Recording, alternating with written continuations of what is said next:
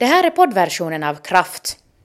Av upphovsrättsliga skäl är musiken borttagen.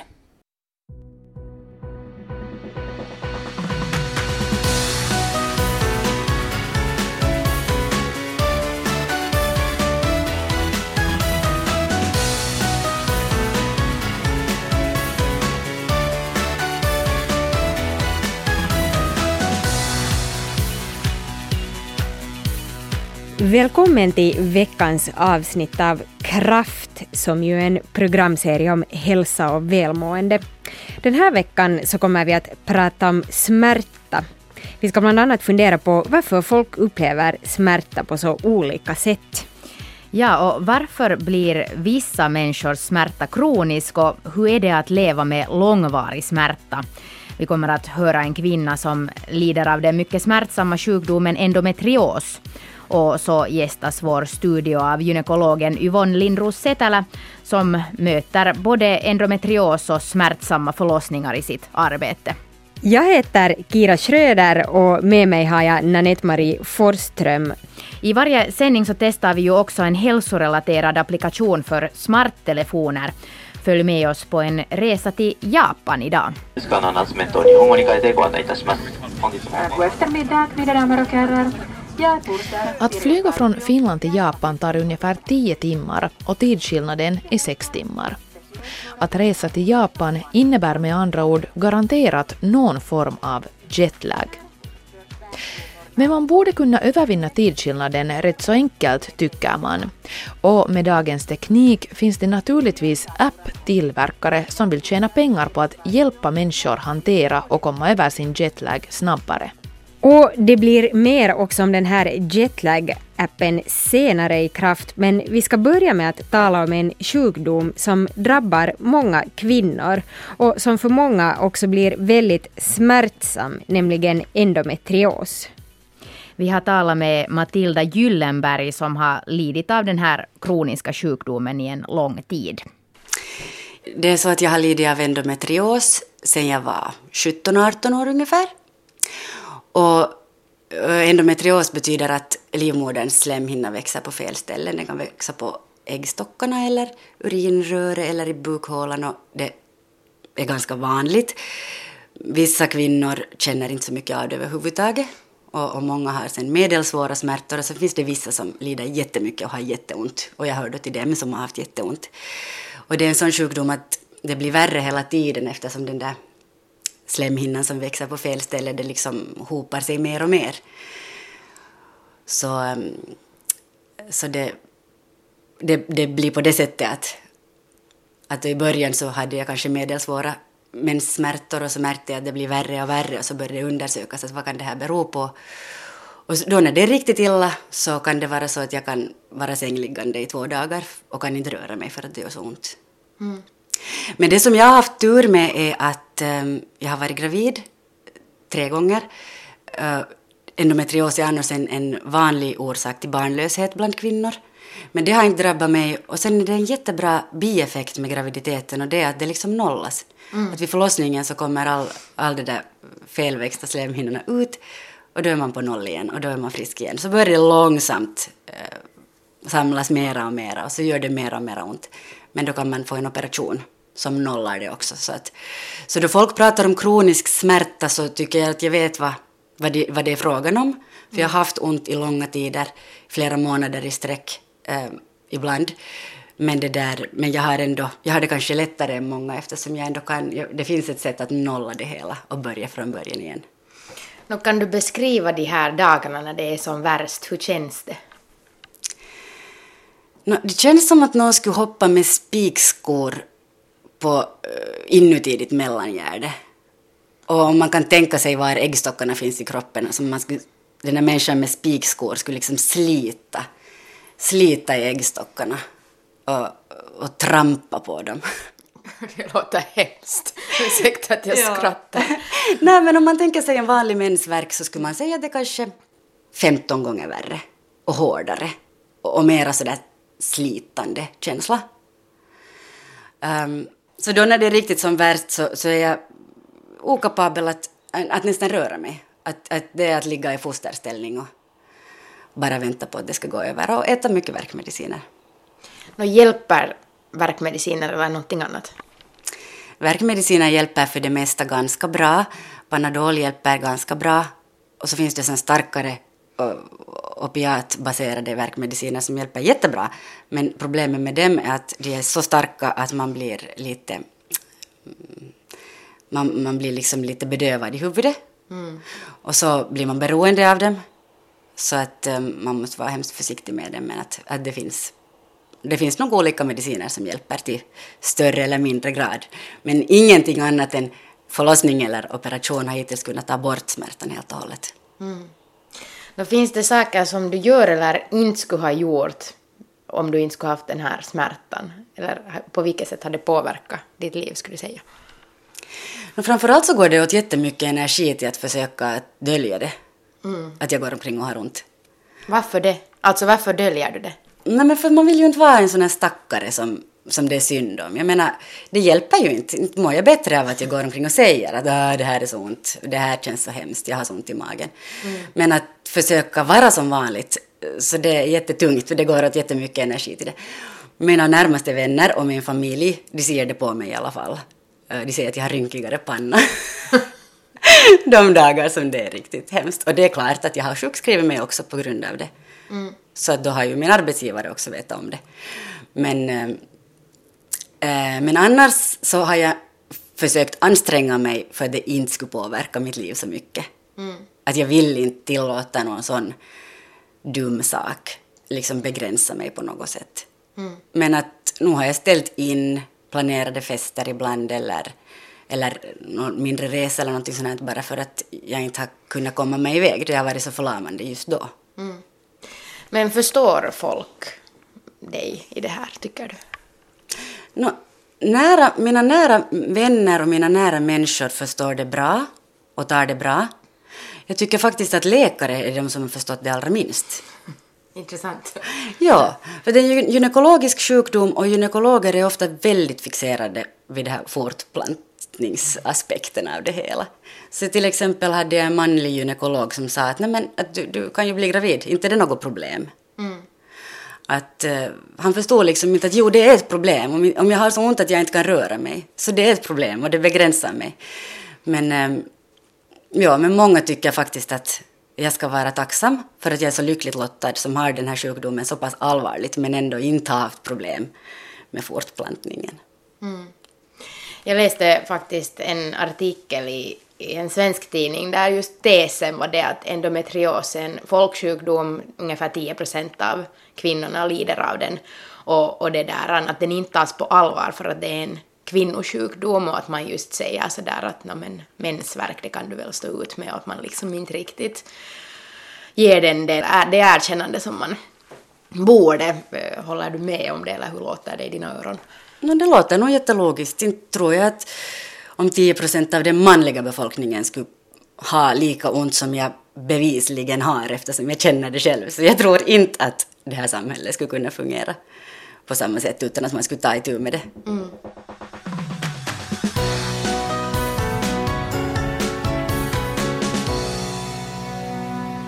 Det sa Matilda Gyllenberg som alltså har lidit av endometrios i 15 år.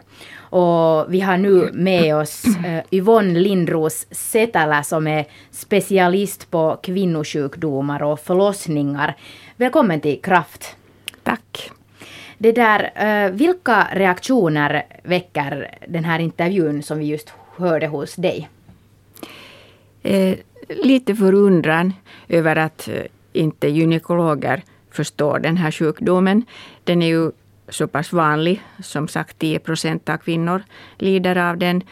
Och eh, den har vissa typiska symptom som nog borde få en, en gynekolog att, att vakna och hitta på någon bättre behandling än att bara säga att, att lid av det här och var lycklig över att den inte är så, så farlig ändå, den här sjukdomen.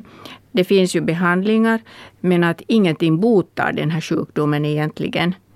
Att det, det är liksom en lindring av smärta och eh, lindring av själva sjukdomsbilden också.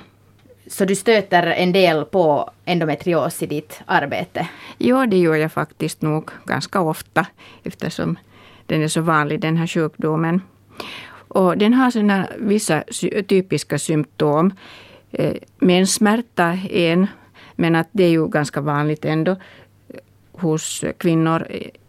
Enbart menssmärta är ju inte någonting som, som genast får klockorna att ringa, utan det är smärta som då är då före menstruationen också. Det brukar vara några dagar före menstruationen och så brukar det också höra till eh, smärtor av andra, sort, andra slag. Och det är till exempel smärta vid samlag, smärta vid avföring, urinering. Och de här tillsammans liksom ger den här bilden att det kunde vara fråga om endometrios. Och då brukar man behandla det med något annat, ofta än, än bara smärtmediciner. För att det är ju bara att lindra smärtan. Hur behandlar man då endometrios? Eh, endometriosen är ju en sjukdom som då betyder att, att livmoderceller hamnar utanför livmodern, alltså inne i bukhålan och till och med någon gång i lungorna och ibland i blindtarmen till och med. Och eh, för att de ska kunna fästa sig på sådana här ställen så behövs det en, en störning i immunsystemet hos den här kvinnan. Alla människor, alla kvinnor får inte den här endometriosen fast det skulle hamna lite celler på fel ställe. Och när de här cellerna då finns här i, i bukhålan, på äggstockarna eller bakom livmodern, i ändtarmen eller urinblåsan, så förorsakar de en, en kronisk inflammation. Och det är det som gör den här smärtan. Då. Och det här då är utgångspunkten för, för behandlingen. Man kan då minska på de här endometrioscellerna med hormonbehandling. Eh, då till exempel p-piller som man då äter ofta i långa perioder utan menstruation, till och med sex månader utan menstruation. Och då minskar de här cellerna. Och sen kan man då också använda vissa sorters eh, gulkroppshormon. som man då äter också hela tiden utan några pauser. Och då uteblir ofta mensen och då gör det också att de här endometrioscellerna blir mindre och smärtan blir lindrigare. Och så är det förstås de här eh, smärtlindrande medicinerna som man kan ta dessutom eh, som tillägg då till de här hormonella behandlingarna. Eh, det finns också lite ovanligare hormonella behandlingar som går ut på att minska den här estrogenutsöndringen i de här endometrioscellerna.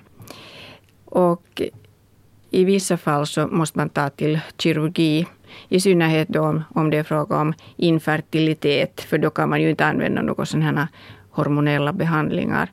Och eh, när man då opererar endometrios så försöker man få bort så mycket som möjligt av de här, de här onormala cellerna som finns i, i bukhålan. Och det brukar hjälpa ofta mot infertilitet så att en kvinna kan bli gravid efter det sen. Mm.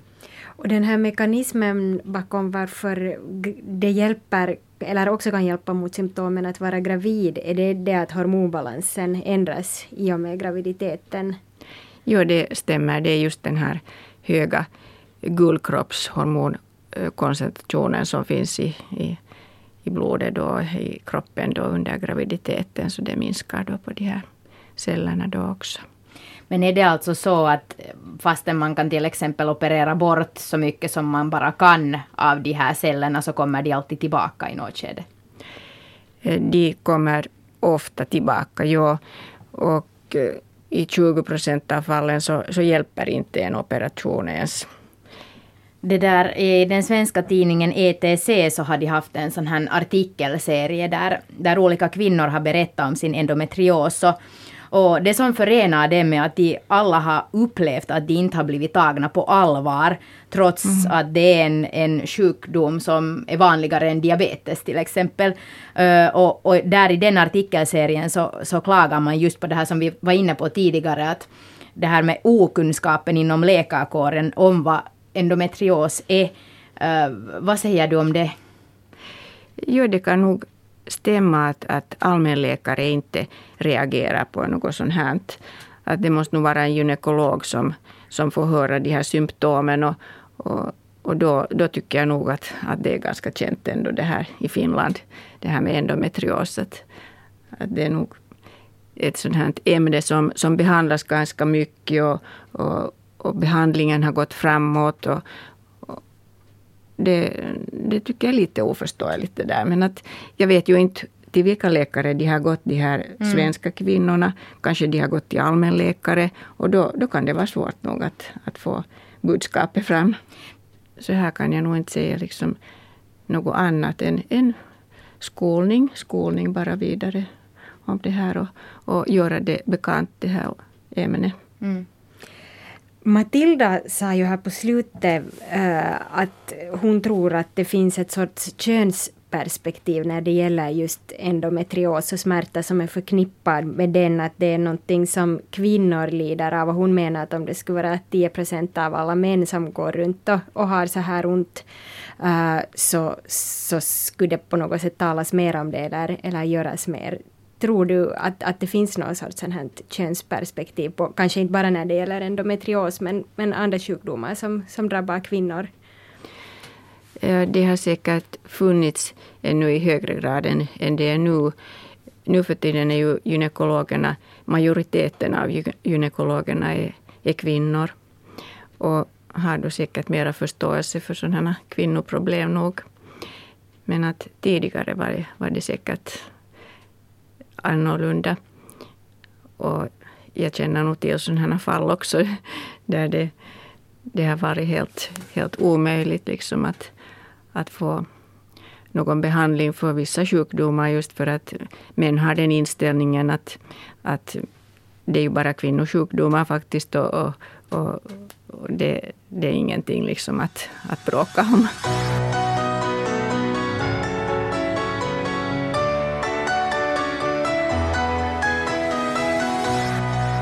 Och nu ska vi höra lite mer av Matilda Gyllenberg som ju här tidigare i Kraft berättade om sin endometrios.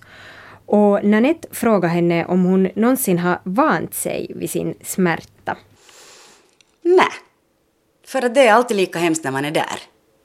Men att jag har nog vant mig vid att ha en sån där stillamolande verk där underliggande hela tiden. Och det är liksom helt ok. Sådär som man kanske kan vänja sig vid att ha skavsår. Att det, det är liksom helt, det är inte så farligt. Men då när det är riktigt illa, det kan man inte vänja sig vid. Mm, då när man är helt förlamad av den? Ja, mm. ja. Och då är det varje gång lika illa. Mm. Du var inne lite på det här redan, men, men finns det enligt dig en sån här kultur kring smärta där man just lite, man anser att man ska bara bita ihop och lida igenom det och inte klaga så mycket? Jag vet inte riktigt vad det finns för kultur runt det. För det är så svårt att veta hur andra människor upplever smärta. Det är omöjligt att veta liksom, vid vilken nivå av smärta som andra klagar. Mm. Att det kan ju hända att jag sitter här och beklagar mig fast alla andra har lika ont och inte klagar överhuvudtaget. För det där kan man aldrig veta. Men ähm, men jag tror att det åtminstone finns en sån stämpel på folk som har kronisk smärta och klagar över det och söker hjälp, att den är nog lite stackig. Mm. Att den, det är nog inte riktigt råg i ryggen på den personen som... Det, det är lite kanske... Det är liksom ingen alfa-person, det är nog en beta-person som, mm. som är sådär liksom kinkig och stackig och, och det ska... Ja. Så, så på det sättet tror jag nog. Och det gör jag själv också, som sagt, att det är ingenting jag överhuvudtaget skyltar med. Det är inte som att jag skulle skämmas för det. För det är ju förstås inte mitt fel att jag har ont. Men eh, det är ingenting jag går till torgs med heller för att jag vill inte att folk ska koncentrera sig på det när det gäller mig, när de träffar mig. Det finns andra saker som är viktigare. Mm. Men eh, fast jag nu själv alltså inte vill prata om det här så mycket, så skulle det ju vara bra om kvinnor överlag skulle prata om sina mensvärkar och sina endometriossmärtor och de här kvinnosmärtorna. För att om folk skulle prata om det så skulle det vara lite mera... Så kanske folk skulle inse att det här är ett problem. Och att vi är många som har jätte, jätte, jätteont. Mm. Och att man kanske borde försöka hitta en lösning. Du har själv gått igenom tre förlossningar. Uh, som ju ofta, jag vet ju inte själv, men ofta sägs det ju att det är bland det mest smärtsamma man kan gå igenom. Har det förändrat din inställning till smärta på något sätt? Uh, no, förlossningssmärtan är så annorlunda eftersom den har ett mål som är gott. Så att man går gärna igenom den här förlossningssmärtan för att man vet att man får den här belöningen sen. Mm. Och fast det är hemskt och det gör så ont så är det en, en smärta som leder någon vart. Så den är inte så hjälplös som, som den här andra endometriossmärtan är.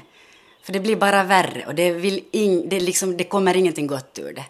Och det blir värre för varje månad. Och man mm. vet att det liksom kommer att sluta med att man måste operera bort sina fortplantningsorgan. För att det blir bara värre, det finns liksom ingen annan utväg. Så... Alltså, det är så tokigt med smärta att man kan aldrig komma ihåg en smärta. Att man vet att oj då när jag klämde fingret i dörren så gjorde det jätteont, men ens finger kommer inte ihåg hur ont det gjorde. Mm. Och med förlossningssmärtor är det också så att när man är mitt uppe i det så gör det hemskt ont, men redan en dag efteråt så har man egentligen glömt hur det känns. Och det är också därför som man inte kan vänja sig vid smärta som du frågade tidigare. Mm. För man, kroppen minns inte hur det känns förrän man är där igen.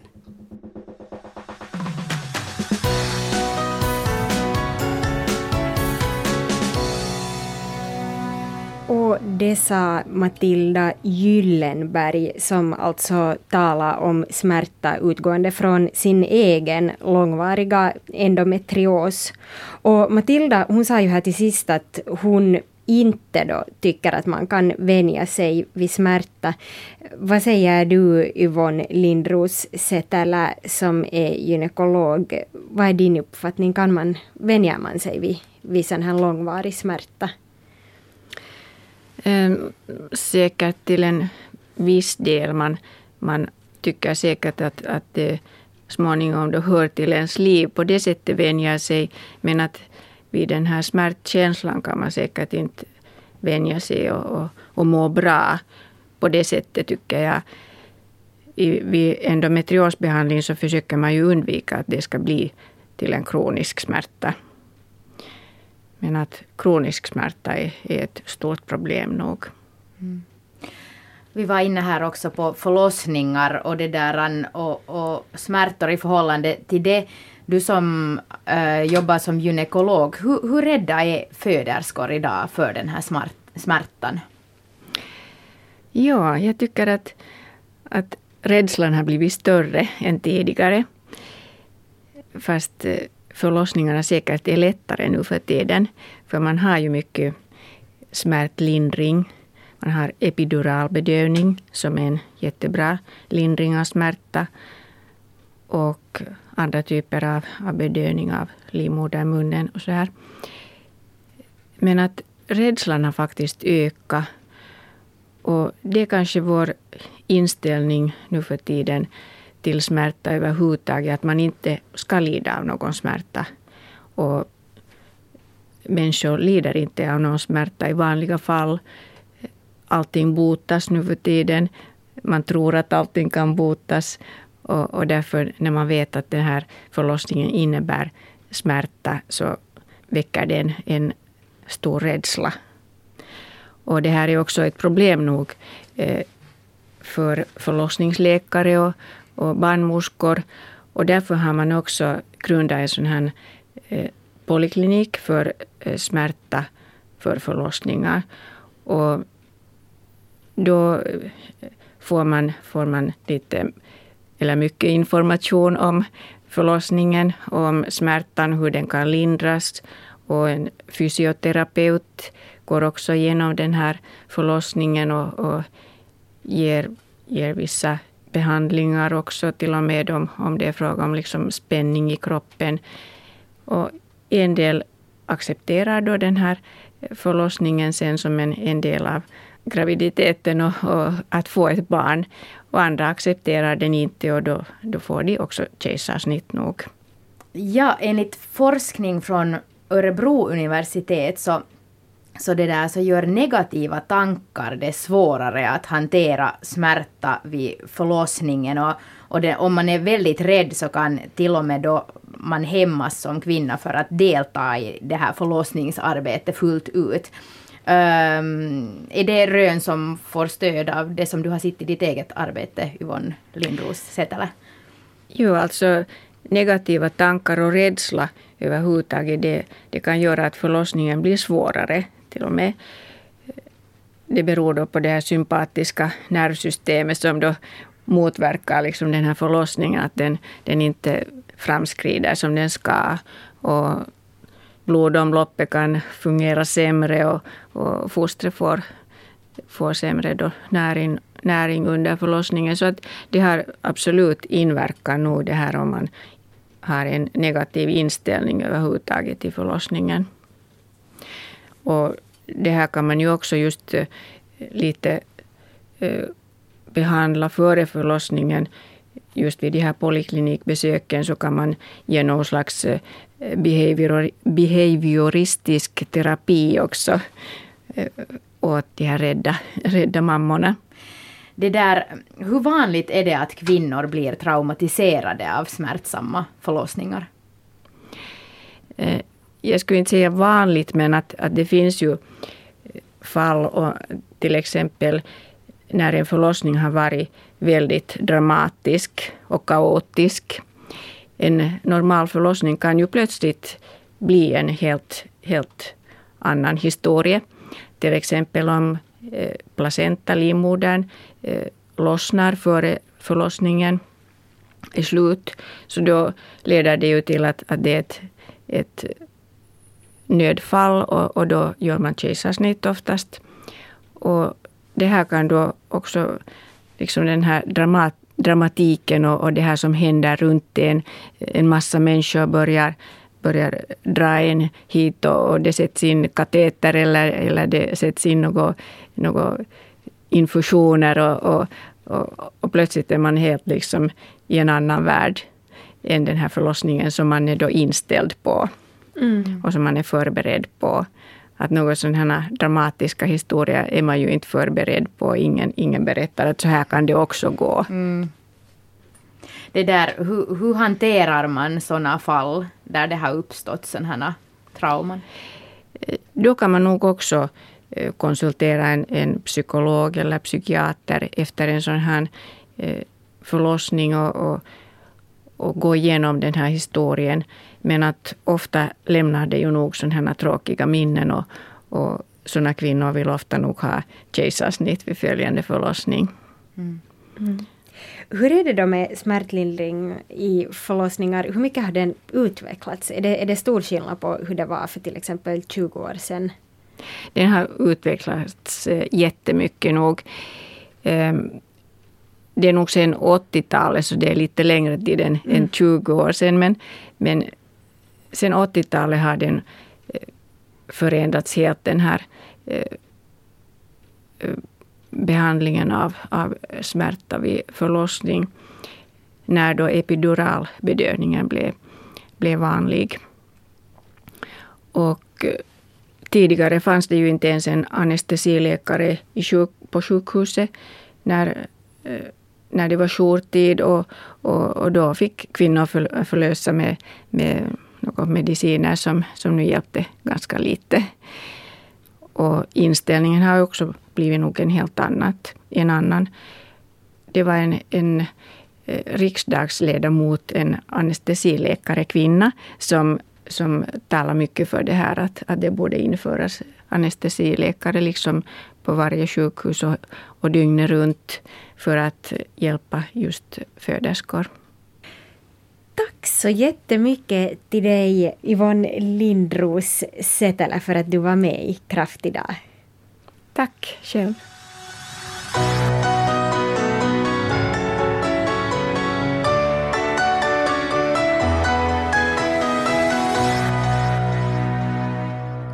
Och vi ska fortsätta på smärttema här i Kraft och se lite bakåt i historien tillsammans med Eija Kalso som är överläkare på smärtkliniken vid Helsingfors universitets centralsjukhus, det vill säga HUX.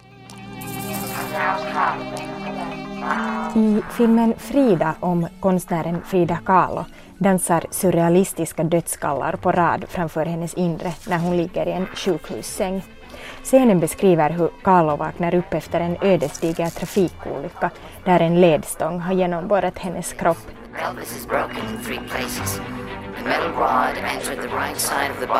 Till följd av olyckan måste Kahlo genomgå mer än 30 operationer och komma att lida av kronisk smärta hela livet. Något som blev en viktig drivkraft i många av hennes världsberömda målningar. Det är svårt att se någon poäng med en sån kronisk smärta som Frida Kahlo upplevde. Men professor Eija Kalso påpekar att en annorlunda smärtform, den akuta smärtan, har en viktig funktion. Smärta är ytterst viktig för, eh, från evolutionens synpunkt därför att det är en sådan larmsignal som eh, berättar om det är något Alltså fel med kroppen till exempel eh, eller om det finns en, en fara att skada sig. Eh, och vi vet att till exempel eh, de människor som inte alls kan känna smärta, det finns några, så det här är ett sådär genetiskt problem, så de dör i tonåldern därför att den här smärtan har inte skyddat dem. Och smärtan också lär oss att undvika aktiviteter som är farliga, till exempel att eh, sätta foten i elden och så vidare. Genom historien har man försökt lindra smärta på många olika sätt. Den grekiska läkaren Hippokrates gav till exempel pulveriserad pilbark mot feber och smärtor. Dagens aspirin innehåller ett liknande aktivt ämne.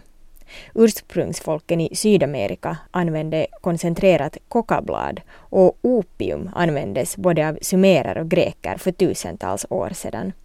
På 1800-talet lärde man sig utvinna morfin ur opium, men användningen har ofta varit omdebatterad. Redan för flera tusen år sedan visste man att eh, morfin, alltså opium, lindrar smärtor.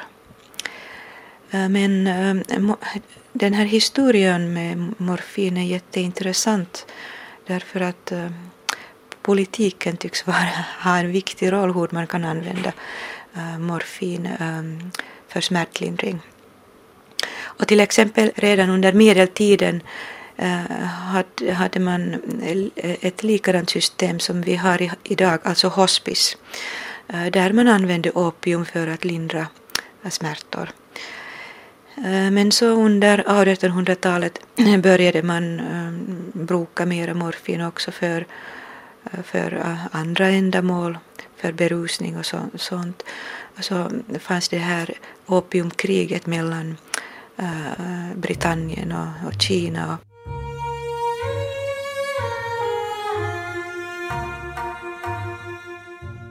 Opiumkrigen utspelade sig under mitten av 1800-talet när Storbritannien illegalt började exportera opium till Kina från sina andra kolonier i utbyte mot varor som silke och te.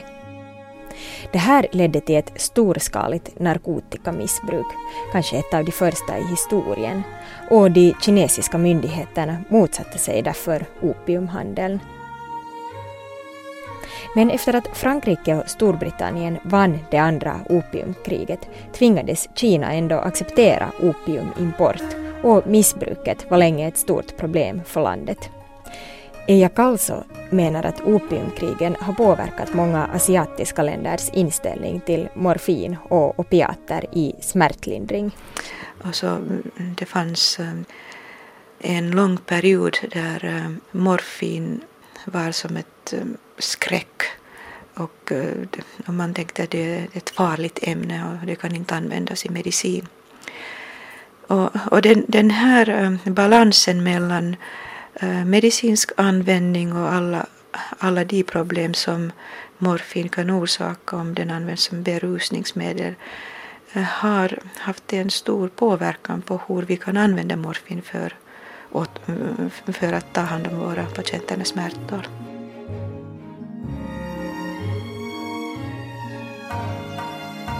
Det var ju eh, det här eh, opiumkriget som hade en stor påverkan på hur man tänker på, på just opioider och morfin.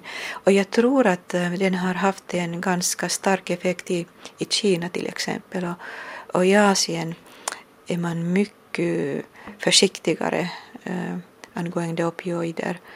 Eh, no, eh, och tyvärr är det så att till exempel i, i Afrika och Indien finns det eh, miljoner av cancerpatienter som inte får morfin tack vare just eh, den här dilemman att, att morfin är ett läkemedel som kan orsaka beroendeproblem och eh, politikerna Eh, vet om de här problem som har åstadkommits förut.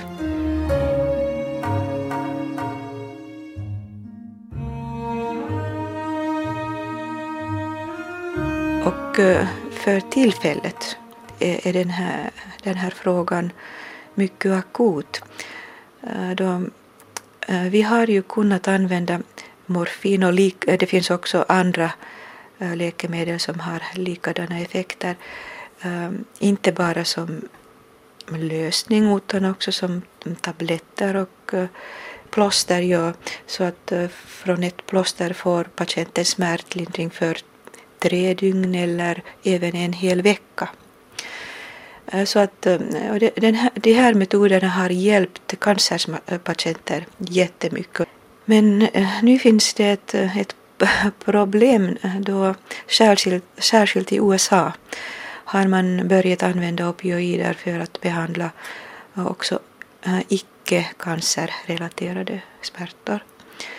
Och eh, så har ganska många patienter blivit beroende av av morfinliknande mediciner. Och, nu, nu har man blivit sådär medvetna om de här stora problem Eh, som morfin och liknande eh, mediciner kan orsaka om de inte används eh, på rätt sätt.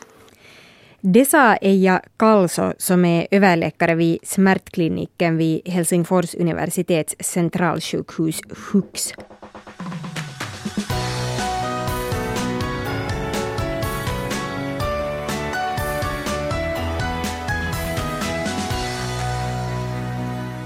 Du lyssnar på Kraft där vi idag talar om smärta. Vi kommer senare i den här sändningen att testa en app som ska motverka jetlag, men nu ska vi höra om vart smärtforskningen är på väg i framtiden. Tack vare smärtforskning och också att attityderna har förändrat sig dramatiskt, skulle jag säga, så tas smärtan mera på allvar. Och eh, vi har många nya metoder idag för att eh, behandla smärta och olika former av smärta. Till exempel akut smärta, det är en helt annan sak jämfört med kroniska smärtor. Eija Kalso, som är professor och överläkare vid Hux smärtklinik, berättar att det som bäst forskas mycket i just kronisk smärta.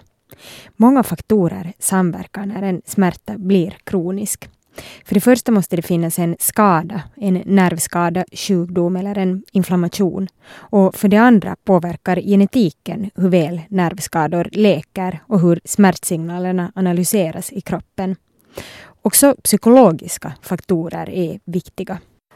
Man vet till exempel att eh, patienterna som är mera benägen för ångest, att de har en större risk att eh, utveckla kroniska smärtor.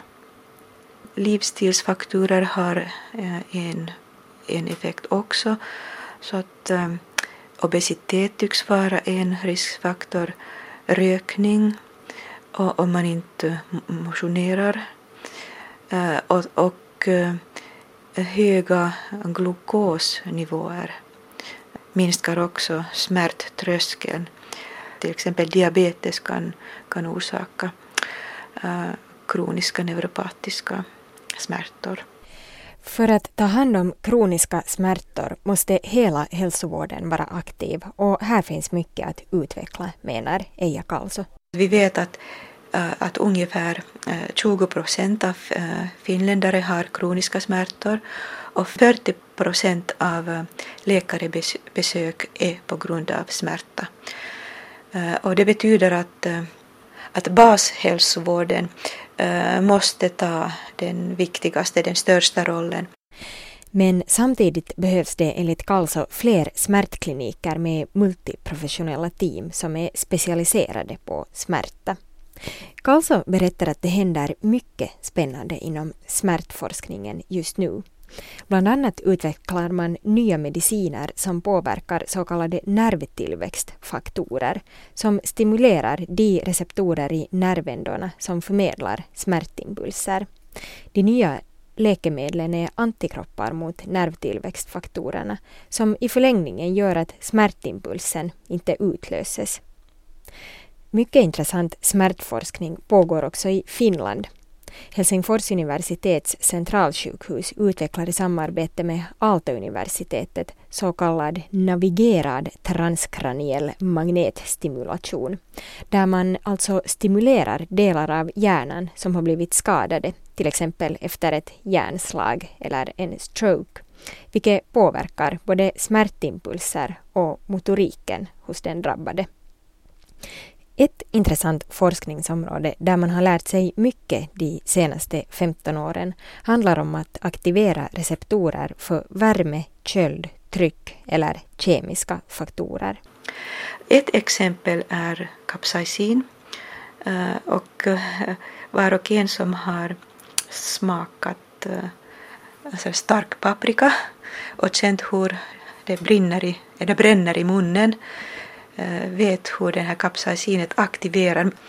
Och man har eh, faktiskt utvecklat eh, ett en plåster som innehåller kapsaicin och man sätter den på den delen av huden som är rubbad till exempel efter en nervskada eller neuropatiska smärtor.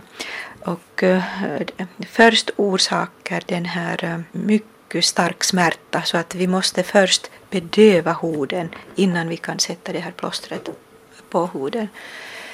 Men efter en halvtimmes behandling eh, blir de här receptorerna desensiterade, alltså att de känner inte smärta mera. Man utvecklar också läkemedel som fungerar genom andra liknande receptorer och man hoppas att de här ska bli de första smärtstillande medicinerna som också har effekt på själva den underliggande sjukdomen, till exempel sådana komplikationer som diabetes kan orsaka. Forskarna hoppas alltså få noggrant riktade smärtstillande läkemedel som inte ger biverkningar som trötthet eller svindel. Det ser alltså ljust ut för smärtforskningen, men Eija Kalso påpekar att man redan nu har många fungerande metoder som skulle kräva mer resurser för att användas effektivt. Och här skulle jag tala mera om just det här emotionella och den här emotionella och kognitiva sidan av smärtan. Det finska hälsovårdssystemet skulle behöva mycket mera eh, psykologer som, eh, som kan hjälpa smärtpatienter. Och också att eh, förändra eh, patienternas sätt att tänka på smärta. Det är just rädsla och ångest som är viktiga för smärtans eh, evolutionella roll men som kan bli problematiska när smärtan blir kronisk. Så att den här rädslan för smärta kan förhindra patienten att till exempel motionera som är viktigt. Till exempel om man har ryggsmärta eller sånt. Så att de, de är rädda att ryggen går sönder om de använder det. Eh, så att eh, det finns också mycket eh, som, som vi redan vet och vi, vi kunde hjälpa patienter om, om bara hälsovårdssystemet var lite mera så att säga flexibelt att uh, utveckla. Sådant som skulle vara relativt enkelt att utveckla i smärtvården har att göra med smärtans psykologiska faktorer. Hur vi upplever smärta beroende på vad vi har varit med om och vad vi väntar oss. Vårt livs upplevelser och förhoppningar och de har också en effekt eh, på vårt eh, nervsystem. Ska vi nu ta ett, ett barn som har haft eh, ofta öroninflammation och sådär smärtsamma ingrepp. Så att om barnet kommer ihåg att, ihåg att okej, okay, nu, nu är vi på väg till det där sjukhuset och där har jag känt mycket smärta. Så, så är, är barnets förväntning att nu kommer det att ta jävla ont. Mm. Och så ta, kommer det att ta mera ont. Om, om, om vi jämför det här barnet med ett annat barn som har också varit på sjukhuset och har haft samma ingrepp men med bra bedövning och, och har blivit väl mottagen och har känt sig tryggt eh, så eh, känner det, det här barnet mycket mindre smärta även om den här smärtsamma stimulationen eller den vad man gör åt barnet är detsamma. Mm. Så det, det är vad man har upplevt förr i sitt liv har en viktig påverkan på hur man känner den nuvarande smärtan. Och det sa Eija Kalso som är överläkare vid Hux smärtklinik.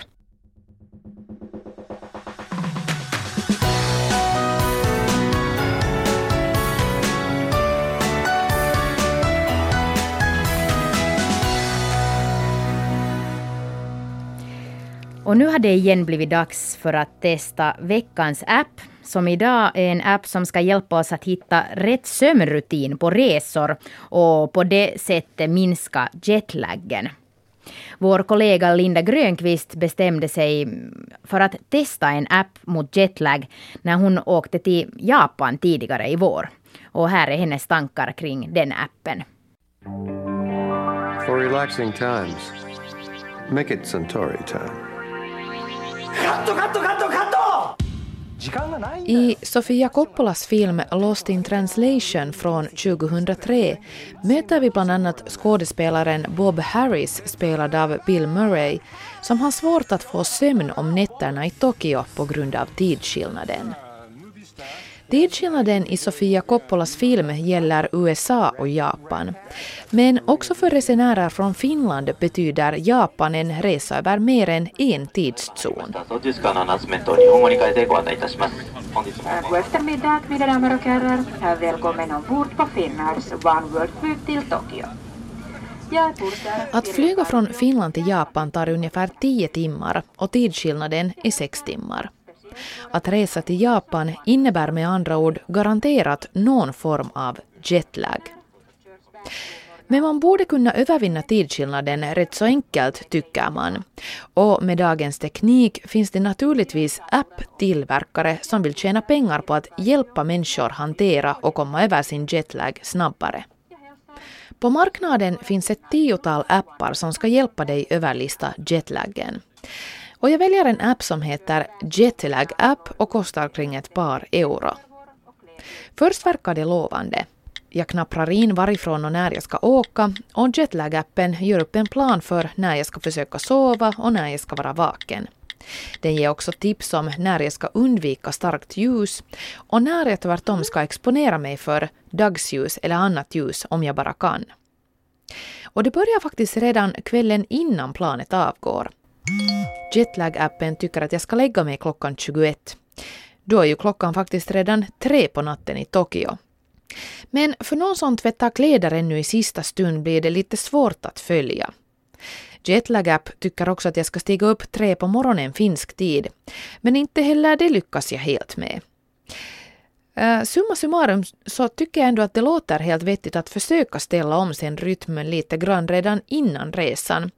Om inte annat så för att få sömn på flyget. Men redan flygresan i sig verkar vara svår för appen att hantera. Mitt flyg till Tokyo Narita Airport avgår 17.45 och Jetlag App tycker att jag ska sova klockan 19. Men det blir lite svårt när flyget precis har startat och middagen serveras. Dessutom tror appen optimistiskt nog att man sådär bara sover åtta timmar i sträck ombord på ett flygplan. Och det gör man ju kanske inte. När flyget landar 8.45 japansk tid i Tokyo plingar appen glatt klockan åtta. Good morning and welcome to Tokyo. We hope you feel rested after your flight. Ja, det kan man ju hoppas på. De första timmarna i Tokyo går jag som i dvala. Men efter en liten tupplur hittar kroppen snabbt den nya rytmen, också om det känns okristligt svårt att stiga upp de första morgnarna i Tokyo. Det är ju trots allt mitt i natten hemma. Appen har däremot drabbats av jetlag själv. Den plingar i tid och otid. Klockan ett på natten. Time to wake up. Mellan klockan ett och tre på natten. Stay in bright room until three o'clock. Och likadant föreslår den att jag ska lägga mig klockan 14 på eftermiddagen och stiga upp igen klockan 16. Ja, om ni inte har förstått det ännu så skulle jag säga att man klarar sig precis lika bra, om inte bättre, utan jetlag-app. Så bästa jetlag-app. Arigato och sayonara för min del.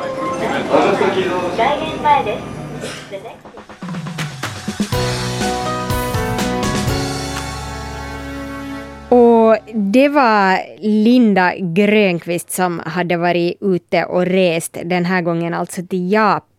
Och det som hon ju faktiskt inte gjorde här var att hon skulle ha följt den här appens råd, till exempel med det här, vad det nu att gå in i ett väldigt ljust rum klockan tre på natten. Alltså vem vet, kanske det skulle ha funkat fantastiskt mot jetlagen om hon skulle ha gjort enligt det här rådet, men de lät ju alltså ganska ändå uh, mystiska mm. i kontexten av dygnet där. Ja, och sen var det ju att hon ska också sova mitt på dagen. Men jag förstår att man kanske inte å andra sidan, när man nu har rodat sig hela vägen vägen till andra sidan jord, jordklotet på sin hårt och välförtjänta semester, sen börjar slösa bort av de här, de här värdefulla timmarna genom att ligga och sova då, när man lika gärna skulle kunna uppleva någonting i, i Tokyo till exempel. Jo, dessutom så då kommer man ju aldrig in i, i den här japanska dygnsrytmen. Jag vet inte om den här appen då vill att man ska hållas kvar i samma rytm som man startar från, mm. liksom hemma, om det är det som är tanken med den. Ja. Men ja, oftast tycker jag när man är på resa så vill man ju ibland sova på dagen, eller kroppen vill sova fel tid på dagen, men man försöker kämpa emot allt man kan just för att man vill uppleva saker mm. annat än hotellrummet. Ja, och jag själv har åtminstone upplevt det på det sättet att när jag har åkt över Atlanten mot USA eller Kanada eller Sydamerika eller så här så, så har det alltid varit svårare åt det andra hållet, det vill säga då när jag kommer hem.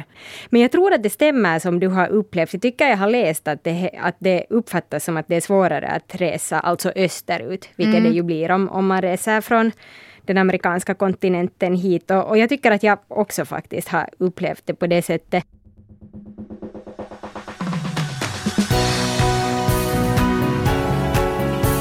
Här slutar Kraft för den här veckan.